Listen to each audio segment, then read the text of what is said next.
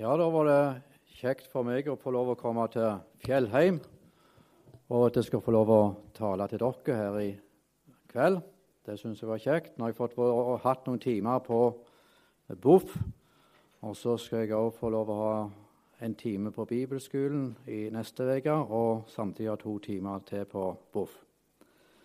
Så for dere som ikke kjenner meg, så kan jeg si at jeg jobber i bank og reiser som fritidsforkynner en del. Så bor i Sandnes kommune og er gift har fem barn og to barnebarn er svigerbarn. Så det er litt, litt om meg. Så har jeg fått litt innsikt i hvem jeg er da. Men uh, så skal vi ta og be for møter fortsatt. Kjære Jesus, jeg vil takke deg for at vi skal få samles om ditt navn og om ditt ord. Så vil jeg takke deg, Jesus, fordi at du kom til vår jord og at vi igjen skal få lov å feire det, at du kom for å berge menneskesjelene.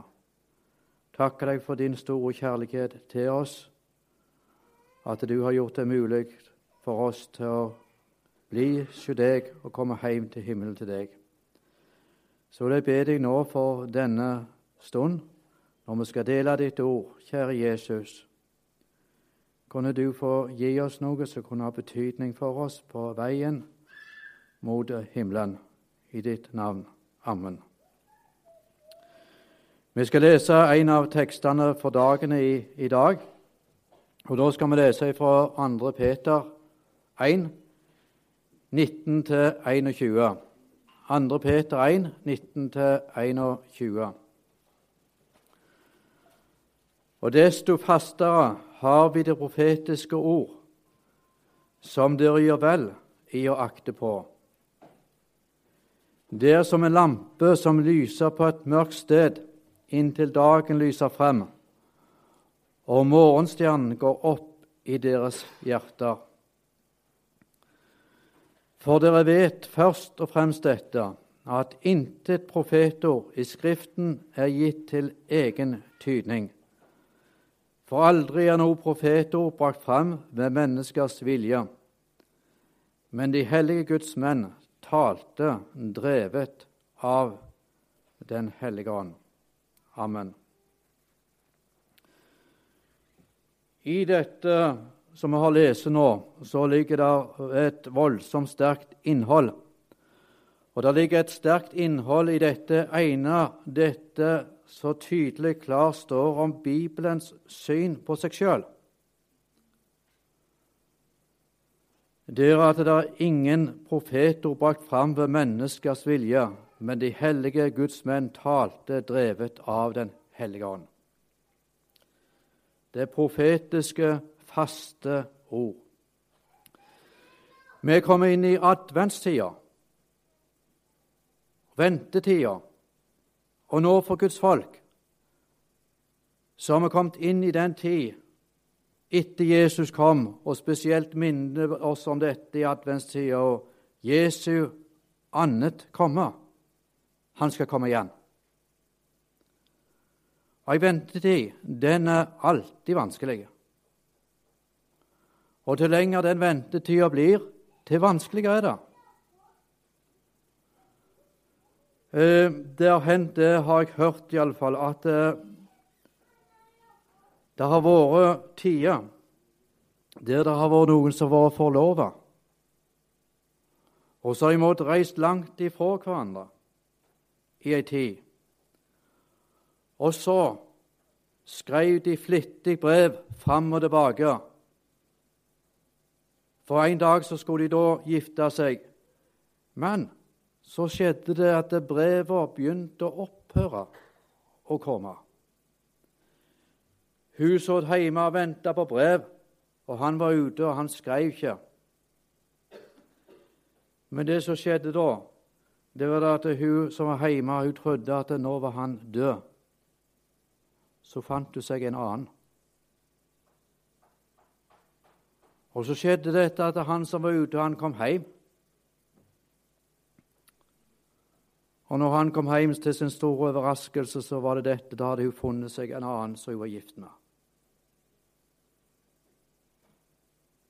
for en tragedie for han. altså ventetida, kan være vanskelige, og så fant du en annen. Og nå har Gud gjort det slik for oss i denne ventetida at Han har gitt oss Guds ord. Slik at vi får vite og se hva Gud har meint og kan si, så vi ikke skal bli trøtte og bli motløse, bli liggende etter på veien. Vi har fått ordet. Han har skrevet det ned til oss til hjelp for oss i ventetida.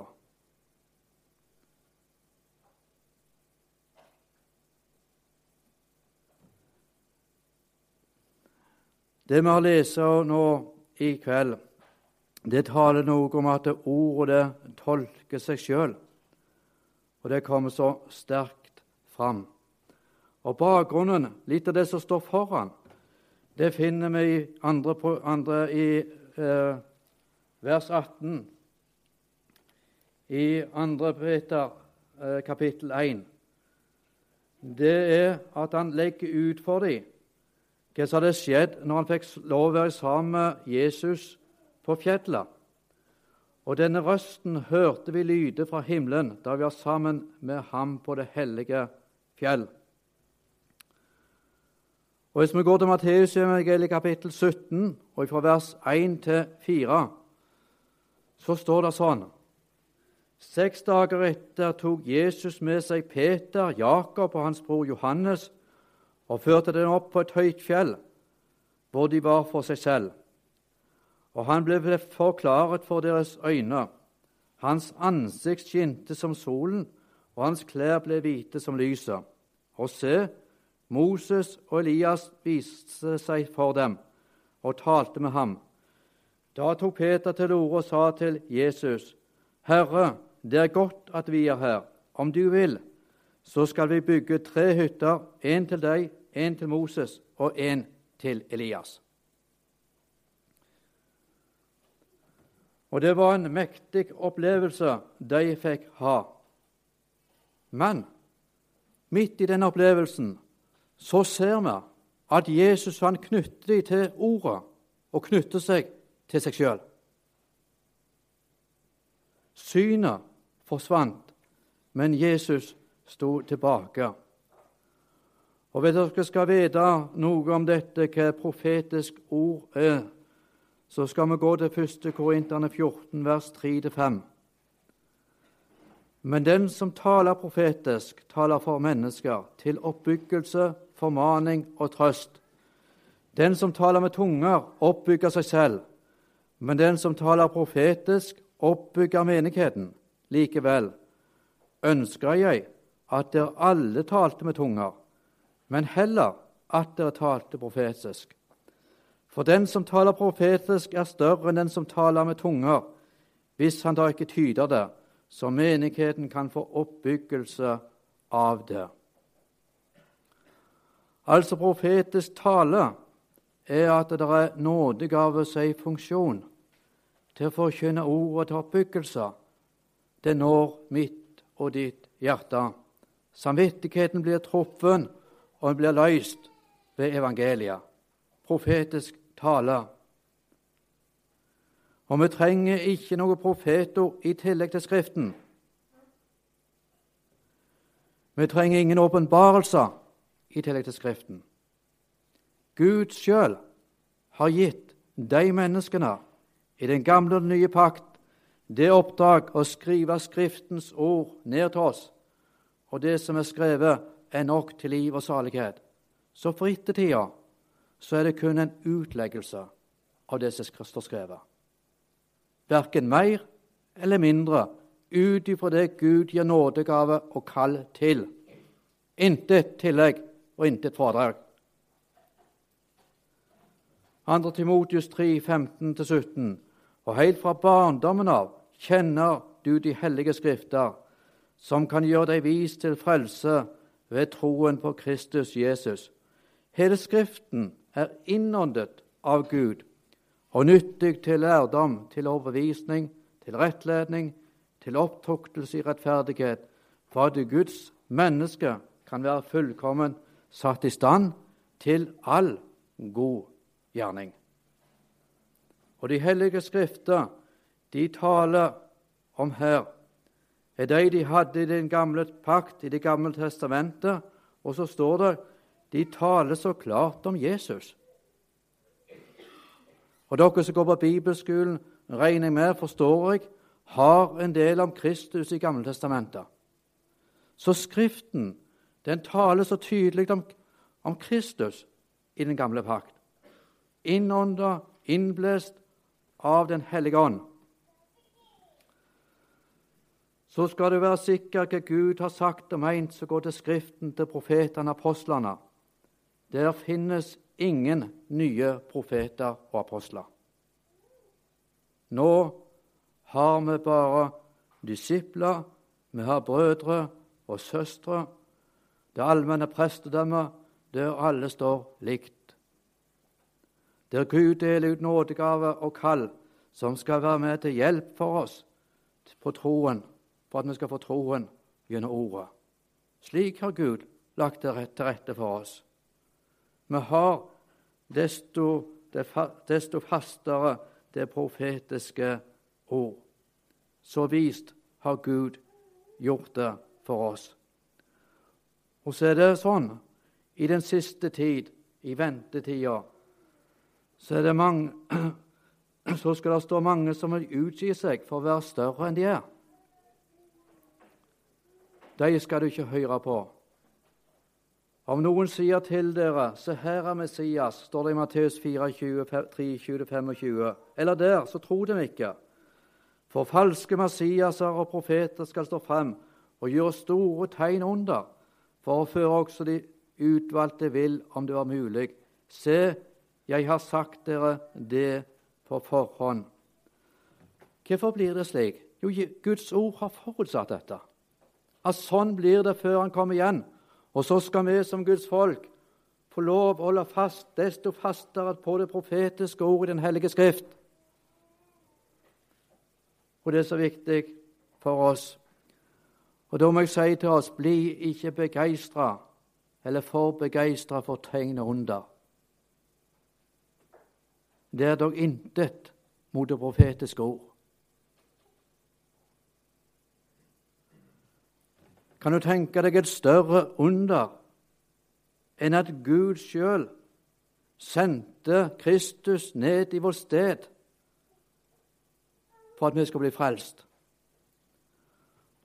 Og så dreiv han noen til å skrive disse 66 bøkene, som er blitt til hjelp for oss til ettertid. For en nåde, og for et under. Og så skulle vi nedlete oss til å bli begeistra og bli tatt av noen mennesker i vår tid med noen små tegn under. Ha? Imot dette profetiske ord. som har en sånn virkning og sånn betydning. Der Gud har skrevet noe til oss for 2000 år siden, som har blitt hjelp i generasjon etter generasjon etter generasjon, der folk har kommet til tro, blitt barn av Gud, frelst, himmelarving, og går like inn til saligheten på det ordet som fikk del i. Så stort er det. Det vil jeg la meg bli begeistra av. Det er profetiske ord i Skriften. Og det er noe trosstyrkende for Guds folk å bare få lov til å holde seg til Den hellige Skrift istedenfor å måtte begynne å bruke mye av sin tid for å vurdere det ene etter det andre, om dette er rett, dette er sant, og det er så oppe til hver tid, til enhver generasjon. Og slik har det vært opp gjennom hele historien. Og så kan en bare få lov å stole på dette, der Gud sjøl står bak. Det er noe trosstyrkende. Og så ser vi det at Peter, når de var på fjellet De fikk til og med se noen av dem fra den gamle pakt. Og så var det et stort under som skjedde der. Men det som sto igjen for Peter da, og som vi leser om her, det var Jesus alene. Det er noe veldig akkurat det der. Det profetiske ord. Og det profetiske det knytter oss alltid sterkere til Jesus. som mellommann, stedfortreder, rettferdighet for Gud. Jeg liker godt å gå i fjellet og springe litt i fjellet. Så i høst så kjøpte jeg eh, noen gode hodelykter til meg og min kone. Jeg har òg gode sko, så hvis dere liker å springe i fjellet, skal dere få en, en anbefaling. Irock-sko. Det er gode sko å springe i fjellet med. Og de har jeg kjøpt. Og de, eh, hvis det er glatt og glatte steiner, så sitter de som støpt på fjellet. Til meg som har passert 50. Men nå i høst da kjøpte vi jeg kjøpte hver sin hodelykt, og så gikk vi en tur. Ulendt terreng, oppover glatte stier. Det var en flott kveld. Og da tenkte jeg med meg sjøl her hadde jeg aldri gått uten hodelykta. Aldri. For her er det så mørkt, og her er det så glatt, og her kunne jeg falt og her er det ikke sikkert jeg kunne funnet hjem igjen hvis jeg ikke hadde lys. Slik er det profetiske ord. Ei lampe som lyser på et mørkt sted. For ikke lenge siden hadde vi søndagens tekst om de fem dårlige og fem kloke jomfruer. Alle hadde på lampe, men noen hadde olje på lampe og lys som skinte. Gjør klare lampen, for brudgommen kommer. Hvor er det mørkeste sted? Jo, der det ikke finnes lysstreif. I det mørke rom der har en mista orienteringssansen. Hvis du har vært en plass der det er helt stummende mørkt, det kan vi mest ikke finne. Men da mister du fullstendig orienteringssansen.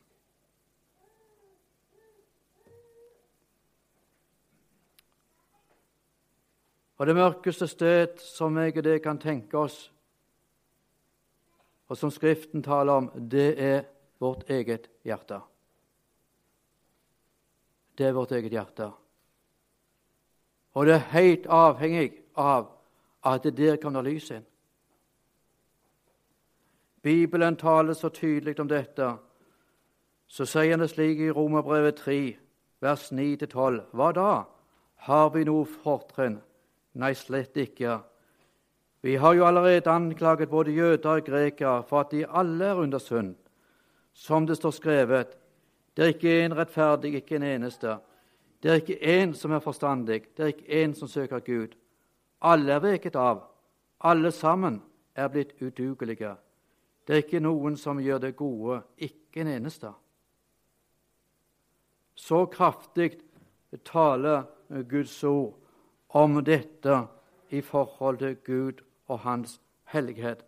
Det finnes egentlig ikke lysstreif i vårt eget hjerte. Og vår store ulykke det er at vi tror for godt om oss sjøl i møte med Gud og Guds ord. Men når vi taler om disse ting, om mørket i vårt indre menneske, så taler vi ikke om det å ha evne og anlegg. Det å kunne noe å være nyttige samfunnsborgere på jord og ha talent og evne. Nei, da skal vi få lov å være rikt utrusta og fremelska våre talent og evner som vi har fått fra Gud. Der skal vi ikke stå med lua i hånda og så si 'jeg er ingenting'. Nei, jeg kan ingenting. Nei, da skal du stå med det talentet du har, og du skal fremelske det, og du skal være stolt over det. Enten det er arbeidsliv, er kunst eller idrett eller hva det er. Bare det ikke går på bekostning av Guds ord og Guds vilje. Så det skal vi drive fram, og du skal drive deg fram og gjøre det du kan, hvor du kan. Jeg syns det var litt fint med En av fotballspillerne til Viking, Vidar Nisje, han hadde vært en markant spiller i gjennom ni år. Og Da hadde han en avslutningshilsen på Facebook når han ikke fikk forlenget kontrakten sin i høst. Og Da skrev han det sånn Helt til slutt vil jeg bare minne om at selv om det ikke har blitt mange medaljer i mine snart ni år som vikingspiller, så kan den viktigste seierskransen ikke vinnes på noe idrettsanlegg i hele verden. Derfor vil jeg avslutte med Paulus sine ord til filipperne. Mine søsken, jeg tror ikke om meg selv at jeg har grepet det, men én ting gjør jeg. Jeg glemmer det som ligger bak, og strekker meg etter det som er foran, og jager fram mot målet, mot den seierskransen som Gud fra det høye har kalt oss til i Kristus Jesus. Jeg syns jeg var et fint vitnesbyrd, både å nytte sine talent og sitt anlegg, og samtidig ha det viktigste av alt for øye seierskransen, himmelen, Kristus. Men når det gjelder lys og mørke i forhold til Gud og sjelen vår, da er viktig for oss å få den nåde til å se at i møte med Gud og mitt liv, min vandring, mine tanker og gjerninger, da er hjertet et slikt mørkt sted som jeg må få Åndens opplysning for å kunne se. Ei lampe som begynner å lyse inn i de mørke avkrokene i et hjerte. Ja, du ser noe som du ikke trodde du ville ikke se før. Før lyset begynner å komme inn, da har du et ganske godt syn på deg sjøl, og kanskje også i forhold til dine medmennesker. Før lyset kommer inn, så, sammenligner du deg med dine medmennesker. Du som går på fjellheim, du sammenligner med han og henne. Og da finner du ut at det kommer ganske godt ut av det. Han er iallfall, og hun iallfall, ja, de er iallfall ikke sånn som meg. Men hvis lyset kommer inn, da blir det annerledes. Da får du et annet forhold til det der. Og Da skal jeg stille noen spørsmål rundt dette, ganske enkelt for, for å se om lyset kunne begynne å komme inn til oss. Du som går på Fjellheim, eller du som er i Tromsø, eller hvor du er henne. Du trenger at lyset kommer inn. Hver en av oss trenger at lyset kommer inn. Guds ord taler om at du skal ikke ha andre guder foruten meg. I det lyset, inn i det sjel, så spør jeg setter du Gud overalt i ditt liv. Stoler du på Han i alle ting? Får du alltid lyst til å leve livet i sammen med Han og aldri tenke en tanke på å leve mitt eget sjøliv. Er alle dager på tid og tider på jord innvia til Han, så du bare gjør det Han vil, og det som er best for Gud og Hans rike på jord. Er det slik for deg? Tenker du aldri på deg sjøl?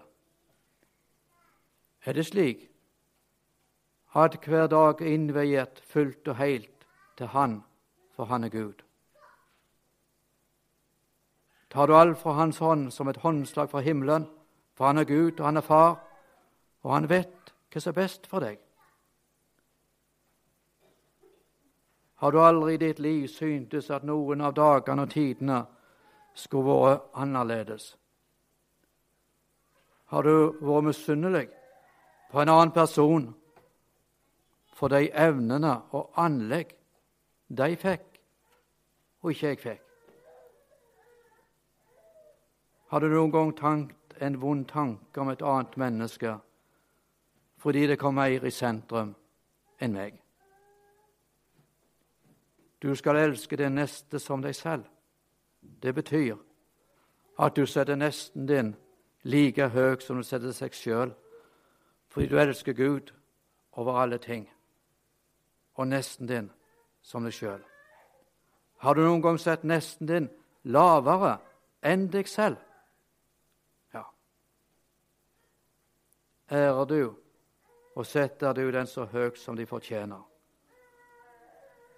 Og Da vil jeg stille spørsmål videre. Du har vel aldri noen gang kommet i skade for å si eller tenke noe nedsettende om noe menneske? Har du det? Du som sitter her. Du mener vel heller ikke at du fortjener å komme i bedre lys enn det neste. Men du gleder deg over det nestes framgang og posisjon. Ja.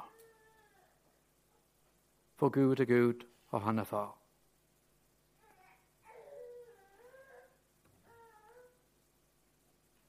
Det lyset der har behov for å komme inn i vår sjel.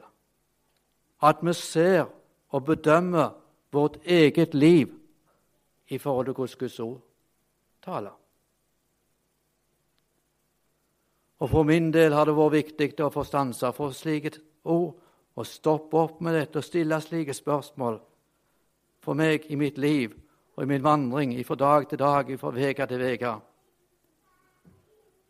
For meg har det vært helt nødvendig. Og når Gud får lov å stanse meg opp, og jeg ser litt av dette lyset innover mitt liv, da kommer mer tanken opp jeg kan ikke tro de andre kan være slik. Så begynner det å lyse opp noe her inne. Lyse opp. En blir avslørt av hvor langt borte en er i forhold til Gud inntil, inntil morgenen gryr. Og morgenstjernen går opp i ens hjerte. Natten er mørke, og dagen lyser frem, og lyset lyser. Jeg syns det er sånne fint ord som det står om i Hoseas kapittel 6, vers 2-3. Han vil gjøre oss levende etter to dager. På den tredje dag vil Han oppreise oss, og vi skal leve for Hans åsyn. Så la oss lære å kjenne Herren. La oss søke med iver og lære Han å kjenne. Hans oppgang er så vis som morgenrøden, og Han kommer til oss som regnet, som et senregn som hveter jorden. Morgenrøden, det er Jesus sjøl som kommer. Og han trenger ikke noe lys. For han er sjøl lyset som er kommet til verden, og han er selve morgenstjernen. De vise menn fra Østerland hadde sett ei stjerne på himmelen. Da visste de her er en konge født. Men de fulgte ikke stjernen. De gikk til Jerusalem fordi de var sikre på at der var kongen født. De gikk bort fra stjernen, altså, og så så de mot Jerusalem. Men det viste seg at det var feil. Og så står det i Matteus evangeliet kapittel 2 og vers 9. Da de hørte hva kongen sa, drog de av sted, og se, stjernen som de hadde sett i østen, gikk foran dem inntil den kom og ble stående over stedet der barnet var. Og da de så stjernen, ble de over all måte glad. De gikk inn i huset og fikk se barnet med Maria, dets mor, og de falt ned og tilba det. Så åpnet de sine skrin og bar frem gaver til barnet, gull, røkelse og murra. Og så ser vi stjernen det fulgte de. Og så ble den stående over det sted der Jesus var. Og så gikk de inn, og så ble de ikke opptatt med stjernen, men de ble opptatt med barnet som lå der. Morgenstjernen går opp i hjertet, blir opptatt av Han, av Kristus sjøl. Hvilken dag er soldagen i Tromsø? Er det noen som vet hvilken dato det er? Hvilken dato er soldagen? I Tromsø. Ja. Ja, i sentrum. Den offisielle soldagen. 21. januar. Når er mørkedagen, da? Ja, hvordan feirer dere mørkedagen? Hvordan feirer dere lysdagen? Boller, ja. Ja. Boller, ja. Det er merkelig det dere ikke feirer mørkedagen. Ja, hvorfor er det slik? Lyset kom.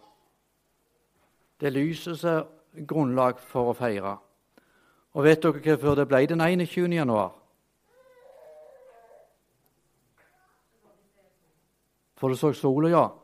Men da kom sola sine første lysstreif på kirketrappa. Og det syns jeg er så fint. For når lyset kommer på kirketrappa, og folk skal gå inn og høre Guds ord, det er grunn for å feire. Lyset kom kommet, altså. Kan du tenke noe større enn å feire lyset? Morgenrøden, morgenstjernen, går opp i hjertene for dere. Og så feirer vi lyset. Åpenbaringen 22. Jeg, Jesus, har sendt min engel for vitne om dette for dere i menigheten. Jeg er Davids rotskudd og ett, den klare morgenstjerna. Ja, kan du tenke noe så stort? Ånden og bruden sier 'kom', og den som hører det, la ham si 'kom'. Og den som tørster, han får komme, og den som vil, han tar livets vann uforskyldt. Jeg vitner for enhver som hører de profetiske ord i denne bok. Så ser du det igjen. Det kommer i åpenbaringsboken. Der må lese fra 2. Peter 1 morgenstjernen. Jeg er morgenstjernen. Jesus er selve morgenstjernen som har kommet til oss. Den, han som lyser sola som går opp. Og når mørket viker for dagen i et menneske sjelsliv, mørket er borte, og det blir et sånn et godt og fint og mjukt hjerte som Gud gir når morgenen gryr. Og det er det store under. Og slik taler åpenbaringsboka om dette profetiske ord. Altså først og fremst ei bok til oppbyggelse og trøst for oss som de siste tider er kommet til. På den måten kommer det profetiske ord til oss. Så det er den som har øre, han hører hva Ånden sier til menighetene. Tenk deg Morgenstjernen er kommet. Og Ånden den alltid knytta til Guds ord. Ånden tar utgangspunkt i ordet og bruker ordet på oss. Og Ånden den står aldri løsrevet ifra ordet. Ånden er den tredje personen i guddommen, som bruker ordet på spesiell måte for å lyse inn i sjela hos oss, bruker ordet på oss, som morgenstjernen går opp hjertene våre. Noe veldig til der. Og på den måten har Gud så viselig innretta dette for oss som de siste tider er kommet til, mens vi venter på Hans andre komme. Så dere ikke skal bli trøtte, så dere ikke skal bli motløse, så dere ikke skal bli forvirra, så dere ikke skal bli tatt av hver hverdomsvær som er i tiden, men skal få lov å holde fast på det profetiske ord, også på morgenstjernen. Tenk deg, Kristus er kommet. Og da kan meg og deg få lov å feire ei god jul. Morgenstjernen er kommet. Jeg måtte mest tenke på det når uh, du leser fra Lukas evangeliet kapittel 2.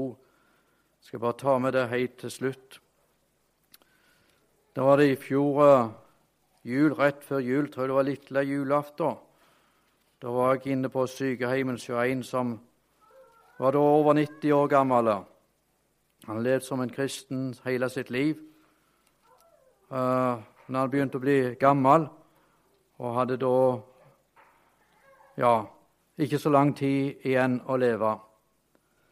Jeg visste jo ikke hvor lenge, men da gikk jeg opp til han og så leste jeg juleevangeliet til han. Og så var det sånn når han lå i senga, og jeg så stått på en krakk, og så leser jeg. Og så ble det da, når jeg leste, så ble det at vi la sånn trykk på akkurat der som du leser. En stor glede, en glede for alt folket. I dag er det født dere en frelser. Og han som hadde levd med Jesus hele sitt liv.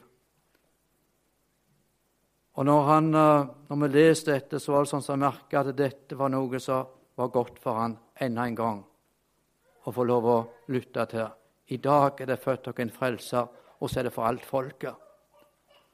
Og så fikk vi lov å sitte og samtaler om dette veldige. Tenk du, en gang til så skal vi få lov til å feire jul og minnes og ta dette fram til folket. I dag er det født en frelser, en frelse for alt folket. Og det skal vi også ta med oss nå inn i julehøgtida. De vi møter, de vi treffer, av slekt og venner, og de Gud gir nåde til. Du, det har født deg en frelser. Han er for deg. Morgenstjernen er kommet. Kjære Jesus. Jeg takker deg for vi har det profetiske ord i Den hellige skrift. Og jeg takker deg fordi at det er nok til liv og til salighet. Og jeg takker deg, Jesus, for det at vi skal få lov å dele det sammen.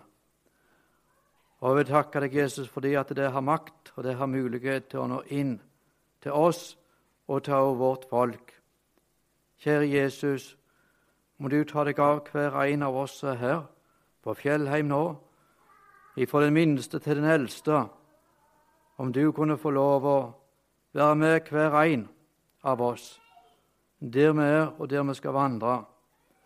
Og når de da skal reise hver til seg hjem til jul, disse som er elever, kjære Jesus, må du ta deg av òg de da, og når familiene skal samles, at vi kunne få lov å samles om dette veldige at du er kommet, en frelser er født, morgenstjernen er gått opp, og som det kunne gå opp i flere sine hjerter denne julehøgtid.